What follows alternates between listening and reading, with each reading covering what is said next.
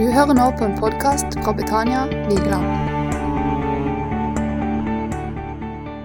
Hva- er din relasjon til Israel?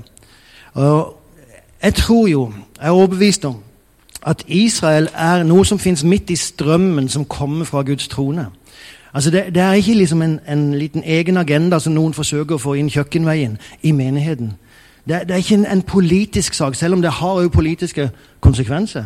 Men det er faktisk noe som kommer fra Guds hjerte, som kommer rett ifra den himmelske tronen, og som derfor, i mine øyne, bør være en helt naturlig del av en kristens liv.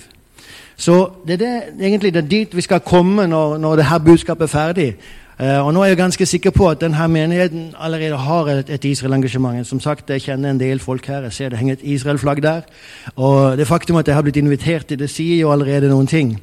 Men det at, at menigheten har et Israel-engasjement, det betyr ikke at uh, hver og en i menigheten at det er naturlig. Og det betyr heller ikke at hver og en på en naturlig måte kan forklare hvorfor det her Israel-engasjementet fins, og på hvilken måte det skal uttrykke seg. Så jeg håper det her budskapet kan, kan hjelpe deg litt på den, på den veien der. Hvorfor bør kristne, støtte Israel? Jeg begynner med et annet uh, spørsmål her. Som, hva er ditt forhold til Israel? Og Da har jeg litt kategorier her som vi kan kikke på. Og Det ene er at det er ikke-eksisterende. Det, det, det er jo en mulighet at det fins bare ikke fordi kan det være mangel på forkynnelse der du har vært. Du vet, I mange menigheter så forkynnes ikke Israel. Så det kan være det, eller det kan være masse årsaker til, i bakgrunnen din som gjør at du ikke har et forhold til Israel. Det kan jo være at ditt forhold til Israel er kritisk. Og Det kan være påvirka av forskjellige faktorer, ikke minst at samfunnet er så kritisk til Israel. Ditt forhold kan være intenst. Det fins mange som har et brennende uh, Israel-engasjement. Iblant kan det òg tippe over, faktisk. Og Jeg vet ikke om du har hørt uh, liksom det ordet Israel-romantikk. Det, det fins òg. Det, det kan gå for langt. Forholdet ditt kan være uavklart. At du, du har hørt om eh, forkynnelsen om Israel. Eh, Du hører liksom hva som skjer, hva andre sier, og du vet ikke helt. Du har ikke landa. Det kan være likegyldig. Bry deg ikke. Eh, altså, Hvorfor skal jeg bry meg? liksom? Det, jeg holder på med andre ting i menigheten. Jeg behøver vel ikke holde på med det òg. Eller så kan det være sunt. Bibelsk. Whatever that means. og Det er det vi skal komme litt fram til her. Eh, Men her har du litt forskjellige holdninger som man kan ha. Og faktum er at det spiller ingen rolle hvor du befinner deg av disse her, så sant du ikke er likegyldig. For, for av alle de andre Likegyldig er det verste man kan være som kristen. Eh, For, for da er det veldig vanskelig å nå inn til en person som er likegyldig. Det er derfor eh, Gud sier det. Hvis du er lunken, da vil jeg utspy deg av min munn. Men er du kritisk, så er det mye lettere å ta det til å bli positiv i forhold til hvis du er likegyldig. Så, men om du er på en av de andre punktene der, så tror jeg det her budskapet kan, kan være med å, å hjelpe deg. Jeg liker å stille spørsmål, og så, så liker jeg å svare på de sjøl. Så ikke kom med svare dine her. ok? Hvorfor skal vi undervise om Israel? Og så bare legg merke til disse bildene her. Så det er jo, man vil jo bare reise dit med en gang. Det her er oppe fra Galileiske sjøen, eller Arbelfjellet ved siden av sjøen der. Det fins en vandringsled som man kan gå opp der. Eh, Men hvorfor skal man undervise om Israel? Og Da har jeg et enkelt svar. Det fins 2357 årsaker til det. Og Nå skal vi gå gjennom de, så du kan bare sette det til rette. Jeg håper barnehaven eller hva heter det, søndagsskolen eller, jeg håper de har et langt program. Nei da. Men 2357 årsaker, hva mener jeg? Det er så mange ganger som Israel nevnes i Bibelen. 2357. Med andre ord, i denne boka så taler Gud om Israel i prinsipp på hver side. For Gud så er det her viktig. Og da kan man ta det og sammenligne med hvordan det forkynnes om Israel i en vanlig menighet. og Jeg snakker ikke om denne, for som sagt, jeg kjenner ikke denne så godt. Men i en vanlig menighet så er det ofte sånn at det fins kanskje ett Israel-møte i året der man taler om Israel. Ellers så leser man jo så klart. Man leser gammeltestamentlig teksten, og der står det jo Israel. Men det blir aldri relatert til Israel. Eller iallfall veldig sjelden relatert til Israel. Det blir relatert til oss. Fordi at veldig ofte så bruker vi Gamle testamentet som en bok av eksempler. Ja, men Det er eksempler på noe som vi kan lære av i dag. Ja, og det er det jo. Det er, faktisk veldig bra å lære seg av disse. Men det er ikke bare eksempler. Det er faktisk veldig viktig at det skjedde akkurat som det skjedde.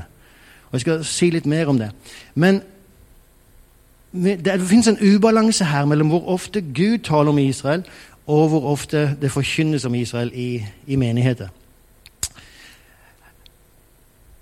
Da jeg studerte i Jerusalem, så, så, fikk jeg tilbud om å gå på et kurs med, på utenriksdepartementet, det israelske utenriksdepartementet. Og Det kurset gikk ut på noe som de på hebraisk kaller haspara, som egentlig er hvordan forsvarer man Israel? Når du, kommer, når du reiser fra Israel og kommer til ditt hjemland, hvordan kan du stå opp for Israel? Og eh, En sak som de lærte oss, var akkurat dette her. WIFM. Og det står for What's in it for me? Hva får jeg ut av det her? Og så sa de som så Når du stiller deg fram for om det er en person eller om det er en gruppe personer, så må du alltid tenke Hvorfor skal de høre på det? Hva får de ut av det her? Og så må du forme da ditt budskap sånn at de skal få noen ting ut av det her. Og du kan tenke ja, det, men det er jo litt egoistisk å tenke sånn. Men faktum, faktum er at sånn fungerer vi. Sånn er det med det når du det her nå. Du det her nå, og så forventer du å få noen ting ut av det her. Du kom til det her møtet fordi du forventer at du får noe, og det er helt rett. Det er bra å komme med den forventninga. Men derfor må vi òg tenke på det når vi, når vi, står her og taler. Og svaret på, det, på den uh, 'What's in it for me' har å gjøre med verdi. Jeg skal gi deg et veldig enkelt eksempel som jeg, som jeg gir veldig ofte. Det, det, er banalt, men det fungerer. Okay?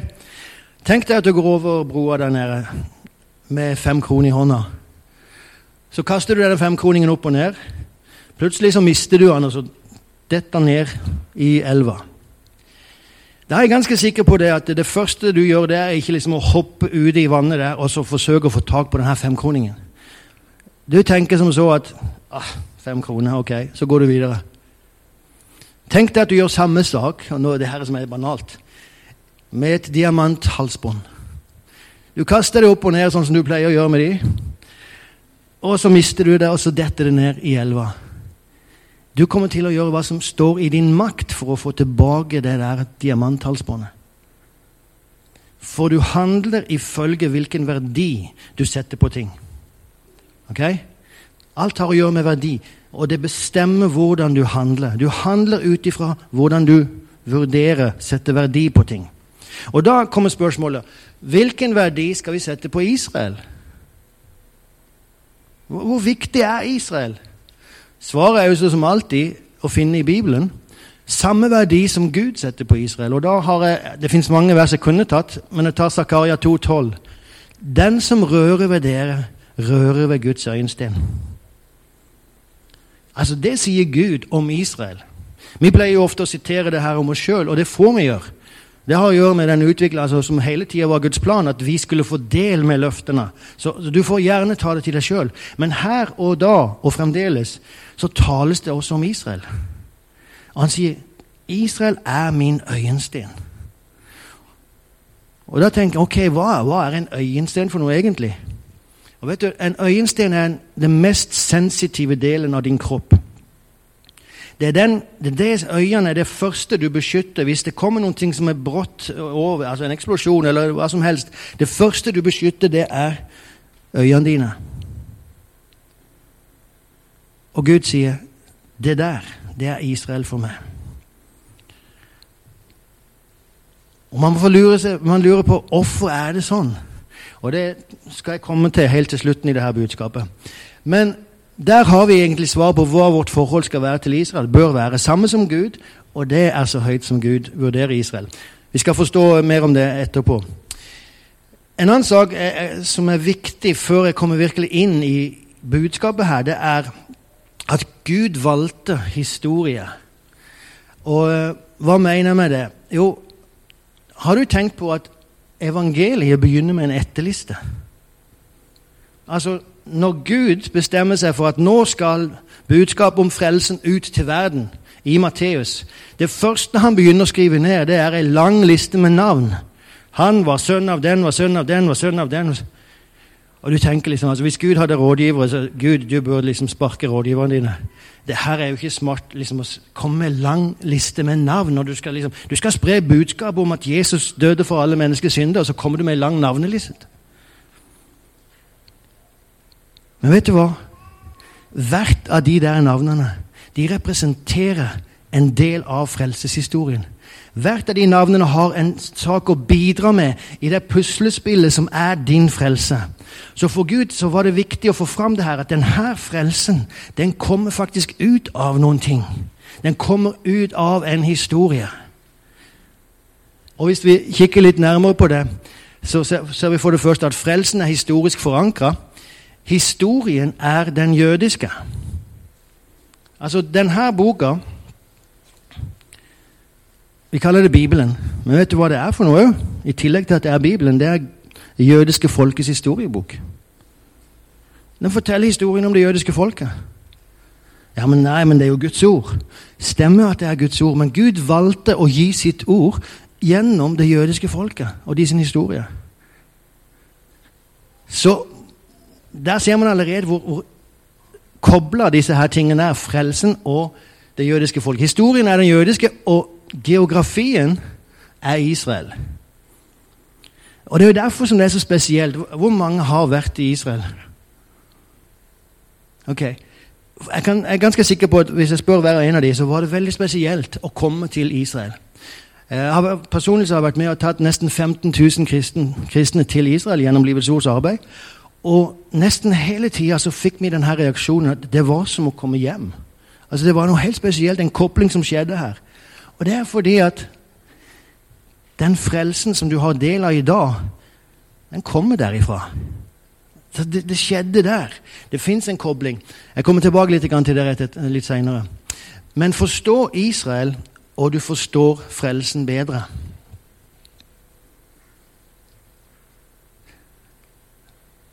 By the way, den der eh, porten som du ser bak der, det er porten i Tel Dan, helt oppe i nord i Israel, på grensa mot Libanon. Og Den går tilbake til 2000 før Kristus. Hvem levde 2000 før Kristus og var i det området? Han heter Abraham. Det er ganske sannsynlig at Abraham har gått gjennom den porten der. Altså, Når man står der og liksom man tenker på det, man leser det her For Man leser faktisk om at, at Abraham forfølger noen konger som hadde tatt Lot. Eh, så forfølger han de opp til det her området her. Og når man står der og leser teksten og tenker wow, det her er veldig spesielt Ok, Og det er bare én sånn en, uh, opplevelse som man får på plasser i Israel. Ok, Vi pleier å snakke om at frelsen er en gave fra himmelen. Men vet du hva, det er jo ikke sånn at frelsen kom ned i en pakke en tirsdagsmorgen. Og så bare pakker vi den opp, og så vær så god, her er frelsen. Den kom liksom ikke ut av himmelen eller ut av ingenting den kom ut av en historie, som jeg allerede har sagt her. Den kom ut av historien til det jødiske folket. Så hvis Faktisk, hvis frelsen kunne komme ned i en pakke altså Hvis du skulle tenke deg at frelsen kom ned i en pakke, vet du hva du kunne skrive på den pakken da? Made in Israel. Ja, men det er faktisk sånn. Og det, det, det, tilbake igjen til den koblingen som finner sted når du kommer til Israel. Det er fordi at det, livet du lever i dag, det er faktum at du kan tilbe Gud her i dag, det kobler direkte til landet der nede. Så når du kommer dit, så kommer du på en måte hjem. Du kommer til ditt åndelige hjem. Og det er den koblinga som, som eh, kristne kjenner når de kommer dit, og som når de kommer tilbake hit, så forsøker de å fortelle det. Og det går bare ikke. Jeg, har, jeg, vet ikke om du har opplevd det, men uh, har du opplevd noen som kommer hjem fra Israel, og så forsøker de å fortelle å, det var helt utrolig! Du. Og du liksom Ja, ja ro deg ned litt. Liksom. Jeg, jeg, hadde det sånn før jeg hadde vært i Israel første gangen. Og så tenker man ja, de der har liksom blitt, det er Jesus som er viktig. Hallo, liksom. Det er ikke Israel. Men det, det, det, er så vanskelig å formidle det der, for det er noe som skjer på innsida. Og det, du må først reise dit for å kunne forstå. Ok, Eh, nå så går jeg inn på selve Det her var introduksjonen. Jeg håper du fremdeles er med. Det er ikke korte andakter her på, som på søndagsskolen eller uh, ungdomsarbeidet. Frelsen kommer fra jødene, sier Jesus i Johannes 4,22. Ja, men jeg trodde frelsen kom fra Gud. Ja, men det er, vanskelig å argumentere med Jesus. Det er han som sier det her. Han sier faktisk frelsen kommer fra jødene. Og jeg sjekka det, for Når du studerer teologi, så må du studere gresk. Og så glemmer du gresk etterpå. Men du kan gå tilbake til liksom ordbøker, og sånt, og så kan du finne ut hvilke grammatiske former er det som står her. Og den grammatiske formen som står der, er genitiv. Eieform. Frelsen er jødenes. Uh. Ja, men det, det, det høres nesten ikke rett ut. Vranglære. Men som sagt, det er Jesus som sier det. Og han sier det i en samtale med en samaritansk kvinne, så altså en ikke-jøde. Så det er viktig for Jesus å få fram det her til ikke-jøder, at frelsen er fra jødene, frelsen tilhører jødene. Spørsmålet som jeg stiller da, er åssen hendte det her? Det var som sagt ikke det at det bare kom ned ei pakke fra himmelen. Denne boka den kom ikke bare ned i ferdig form fra Gud, fra tronen. Hvordan hendte det? Galaterbrevet 4, vers 4. Da tidens fylde kom, utsendte Gud sin sønn, født av en kvinne, født under loven. Ok, så Her så ser vi at det fantes et spesielt tidspunkt som Gud venta på. Da kunne han sende sin sønn. Det gikk ikke å gjøre det når som helst. Jesus kunne ikke ha kommet når som helst. Men da tidens fylde, da vi hadde nådd det visse tidspunkt i historien, da kunne Jesus komme. Men født av en kvinne, født under loven. Så på en eller annen måte så kobler det her med Jesus komme til loven. Og Det gamle testamentet forteller historien om hvordan vi havna der. Hvordan vi kom til dette tidspunktet i historien. Så det som jeg skal gjøre nå, det er at jeg skal gå gjennom Gammeltestamentet veldig fort. Men hovedsakelig ved hjelp av tre personer så skal jeg fortelle historien om hvordan vi havna der. Tidens fylde. At vi kom dit. Og Den første personen som vi begynner med, det er så klart Abraham. Har du noen gang vært på et Israel-møte og du ikke lest første Mosebok 12? Hvis du har det, så får du komme og prate med meg etterpå. Jeg tror ikke jeg har vært på noe Israel-møte uten å lese det. Men det er veldig viktig for å forstå, for å forstå Israel. Så nå leser jeg fra første Mosebok 12, de tre første versene. Herren hadde sagt til Abraham, dra ut fra ditt land og fra din slekt og fra din fars hus til det landet som jeg skal vise deg. Jeg skal gjøre deg til et stort folk. Jeg skal velsigne deg og gjøre ditt, folk, ditt navn stort, og du skal bli til en velsignelse. Jeg skal velsigne dem som velsigner deg, jeg skal forbanne den som forbanner deg, og i deg skal alle slekter på jorden bli velsignet. Det her er det første budet som Gud gir til en jøde. Nå kan man argumentere var Abraham en jøde eller ikke, men vi går ikke inn på den diskusjonen. Abraham kalles for jødenes far. ok? Eh, så det her, det første budet som Gud gir til en jøde, som er skrevet ned i Bibelen, det er 'gå til det landet'. Det er litt spesielt. Hvorfor var det så viktig? Altså Hvis det var Gud, så hadde nok heller begynt med 'Abraham, skjerp deg' liksom, Bli en bedre person, eh, behandle kona di litt bedre, legg bort disse avgudene osv. Det hadde nok vært startpunktet mitt. Men for Gud så sier han 'gå til det der landet'. Så på en eller annen måte så er det veldig viktig for Gud at Abraham er på rett geografisk plass. Og Abraham er jo her borte. Du ser det står Ur der borte i høyre hjørne der. Eller høyre midt på. Han er der borte når, når Gud taler til ham, og så går han hele den røde streken der. Og så kommer han inn i selve landet. Og så kommer han inn i dette landet her, som vi, som vi ser. Um, men det som er viktig ut fra disse versene, det er bl.a. at Gud utvalgte ikke det jødiske folket. Jo, men det gjorde han vel? Nei, han utvalgte ikke et folk, han utvalgte en person. Han utvalgte Abraham. Og så sier han til Abraham Abraham, er Gud, skal gjøre deg til et folk. Og Det er veldig viktig, for det betyr at det jødiske folket har ingen historie som ikke kobler til Gud. Hele de sin eksistens som folk kobler til Guds planer. For det er Gud som skaper det folket. Og det, det, det, er veldig spesielt når man tenker på det. Det, det har ikke slutta, for Gud slutter her, han slutter en evig pakt med Abraham. Så det her gjelder fremdeles i dag. Det jødiske folket har en spesiell posisjon i forhold til Gud. Det, jeg sier ikke at den er høyere og bedre enn f.eks. din, men den er annerledes. På samme måte som Paulus snakker om at det fins forskjell mellom mann og kvinne i, i altså funksjon, men i verdi så står vi likt innenfor Gud. På samme måte så er det forskjell på jøder og hedninger i funksjon, men i verdi så står vi likt. Det, det, la meg bare slå fast det med en gang. Jeg er ingen Israel-romantiker. jeg, jeg forsøker ikke å løfte opp Israel på feil måte her. For alt som har med Israel å gjøre, det lander til slutt i Jesus. Israel er ikke viktig om ikke det var for Jesus. Okay? I en del Israel-forkynnelse så fins tendensen at Israel blir veldig stort, og Jesus blir veldig liten. Jesus nesten forsvinner i en del Israel-forkynnelse. Og det, det, er så feil, for alt som har med Israel å gjøre, det lander i Jesus. Så Veldig viktig poeng å bare liksom slå fast her. Ok, Så det jødiske folkets historie kobler til Guds planer. En sak som Gud kobler i disse tre versene, her er disse, disse sakene. Landet Jeg skal ta det til, til det her landet, skal gi deg det landet.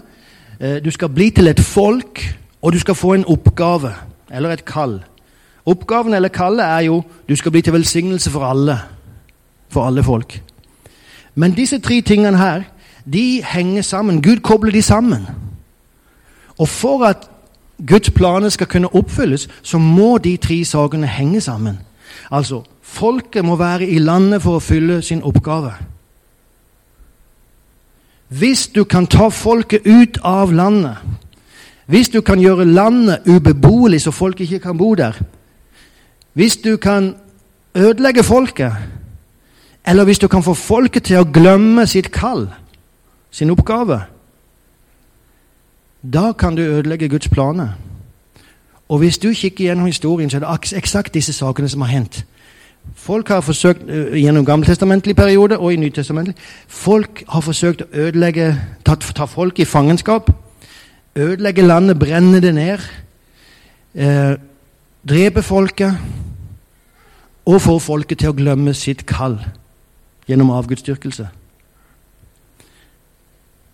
Men Gud kobler altså disse tre tingene, og de må henge sammen. Det er derfor òg som det var så viktig for Gud. Hvis du leser profetiene, eller profetene, så vil du se at alle profeter som snakker om at Israel skal bli dømt, og de skal kastes ut av sitt land, alle de profetene slutter med at de skal komme tilbake til sitt land og skal opprettes i sitt land. For til syvende og sist så må Israel tilbake til sitt land. og Det er derfor det er sånn et stort mirakel at det skjedde i våre dager, altså 70 år siden. For nesten 2000 år så var det nesten ingen som jobba for at det skulle skje. De kristne hadde tenkt at nei, Gud er ferdig med jødene. De, de behøver ikke noe land. Jødene sjøl tenkte at det der får Messias ta hånd om, så de gjorde ingenting for å få sitt eget land. Og det, Sånn varer det helt fram til 1800-tallet. Da først begynner både kristne og jøder få kristne og få jøder begynner å våkne opp og begynner å jobbe for at vi skal bli, skal bli en jødisk stat. Fordi at Gud hadde forutsagt det. Ok, nå, nå er jeg inne på helt andre saker. Men eh, det her er altså viktig. De tre sakene der kobler Gud her i sammen. Neste person som vi skal prate om, heter Moses. Og eh, jeg kan bare gi deg et par bibelvers. For det som skjer gjennom Moses, det som Gud gjør via Moses, det er at han tar det her folket som han har skapt, og skal gjøre de om til en hellig nasjon, et hellig folk. 5. Mosebok 7, for du er et hellig folk. Du kan lese hele sammenhengen der. Eh, men Gud kaller de et hellig folk. Hva betyr det, eller hva er det å være hellig? Går det fort fram, eller henger du med? Ingen henger med? Ok. det er bra. Hva er det å være hellig? Jo, en definisjon på å være hellig det er å være satt til side av Gud for en spesiell oppgave. Være satt til side av Gud for en spesiell oppgave. Det er å være hellig. Vi tenker ofte at å være hellig har noe med en moralsk standard å gjøre. Men vet du hva? Det kommer etterpå. La, la meg ta eksempelet på uh, på redskapene som ble brukt i tempelet og i tabernakelet. De hadde helliga disse redskapene for bruk i tabernakler og i tempelet. De hadde salva de, de hadde sprengt blod på dem, og da kunne de bare brukes der. De hadde blitt satt til side av Gud for en spesiell hensikt. Og nå så sier Gud om det jødiske folket dere skal være et sånt folk som er satt til side av meg for en spesiell hensikt. I dag så har vi jo blitt hellige. Vi har blitt satt til side av Gud. Og på grunn av at vi er hellige, så lever vi annerledes. Der kommer den moralske standarden inn. Vi kan ikke brukes til hva som helst. Disse redskapene i tempelet kunne ikke brukes til hva som helst. Hvordan er det med det jødiske folket, da? Altså Gud sier 'jeg gjør dere hellige', men hvordan får det sitt praktiske utslag? Derfor, sier han i fortsettelsen her, skal dere holde mine lover. Og det kan du se, Den koblinga kan du se veldig mange plasser i Gammeltestamentet. Dere skal være hellige, og derfor skal dere holde mine lover. Når dere holder mine lover, så uttrykker dere at dere er hellige. Og du vet, det, det er jo de lovene som du og meg, når vi, når vi tenker på det, liksom, når vi kommer til tredje Mosebok i vår årlige bibellesning, så tenker vi liksom vi leser lover og regler og offer og, og rituell renhet og alt det her, og så tenker vi Gud, hvorfor fins det her i Bibelen? Det er liksom så irrelevant. Og For oss i dag så kan det være irrelevant, men der og da så var det eksakt dette som separerte det jødiske folket fra de andre og gjorde de hellige. Det fins faktisk utenom bibelske kilder som snakker om det her. En romersk uh, historiker, Tacitus, som levde på Jesu tid, han sier det. Gud har gitt disse her jødene lover som ingen andre folk har. Man, man innså det der og da. Det, det, det her er jo noe, ingen andre følger det der. Fokuset på de lovene var å bevare renhet og bevare liv. Man skulle holde seg vekk fra alt som var dødt, for det var ureint. Fordi at Gud er livets Gud. Ok, jeg går ganske fort. Det her kan man snakke veldig mye om, men jeg vil bare legge fast visse ting her. Vi begynner med Abraham, der, der Gud skaper et folk, setter de i et land som er deres land, og gir de en oppgave, et kall. Så kommer Moses, og gjennom Moses så blir det her folket hellig. Et hellig folk. Faktum er at de blir et hellig folk i et hellig land. Har du hørt om det hellige land? Vi tenker iblant at ja, men det er jo et religiøst konsept. Det finnes jo ikke hellige land. Det er liksom kanskje katolikkene som har funnet på det. Det er faktisk Gud som har funnet på det òg. Det står i Zakaria. Eh, han kaller det admat kodesh på hebraisk. Admat Adam, noen som husker? Adam, Hva ble han tatt av? Han ble lagd av. Han ble lagd av, av, av, støv. Admat kodesh, kadosh.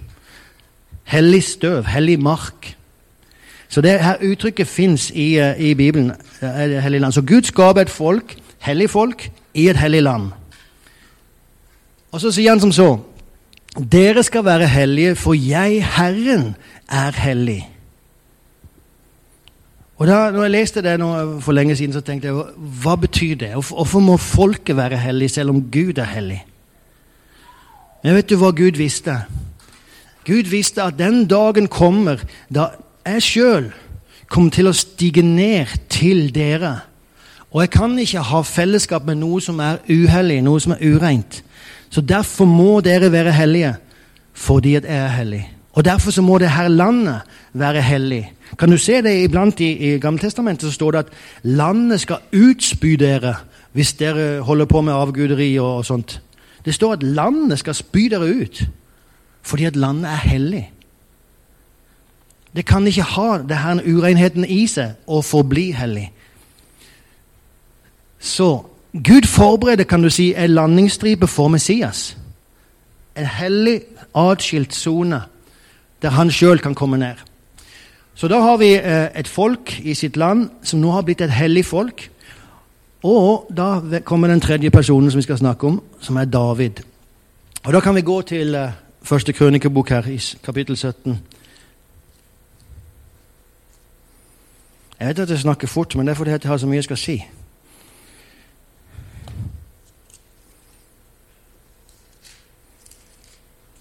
I første krønikebok 17 så har David fått en tanke om at han vil bygge et tempel, et hus, for Gud. For, for På den tida så står altså paktens ark står i et telt. Og David får i sitt hjerte nei, kan, altså jeg bor i et hus, og så bor Gud i et telt. Jeg må bygge et hus for, for, for Gud.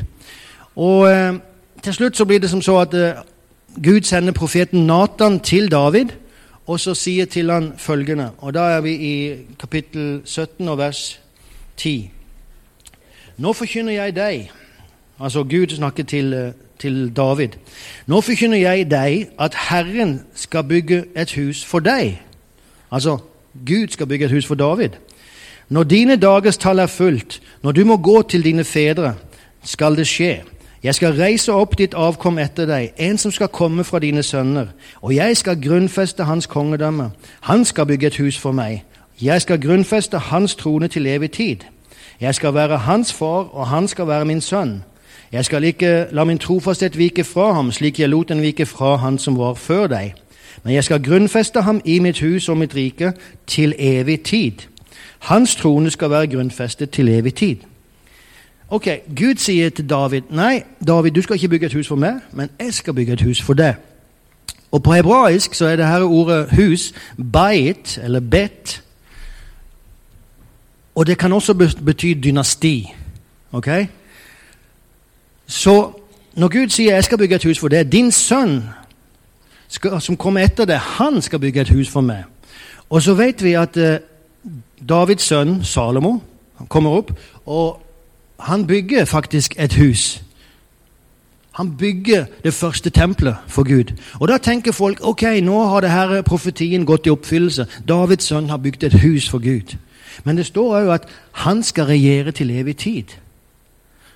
Når Salomo dør, så skjønner det jødiske folket at her, her er det en annen av Davids sønner som det var snakk om. Det var ikke Salomo. Og der så begynner messianske forventninger. Der så begynner denne tanken om at en, en sønn fra Bet David, fra det davidiske dynastiet, skal komme, og han skal bygge et hus. Jesus kommer, Når Jesus kommer eh, altså det her blir jo 1000 år seinere enn denne profetien. Når Jesus kommer da 1000 år seinere, så kjenner folket igjen han ifra den profetien, og òg ifra Jesaja, som kom 200 år etter David som begynte å legge ut hvordan denne Messias skal være, hva han skal gjøre for noe. Skal, Jesus siterer jo Jesaja i Lukas. Herrens ånd er over meg, for han har salva meg til å forkynne et godt budskap osv. Til å helbrede syke. Når Jesus kommer, så kjenner de igjen dette her. Og så sier de, 'Jesus, du Davids sønn, forbarm deg over meg.'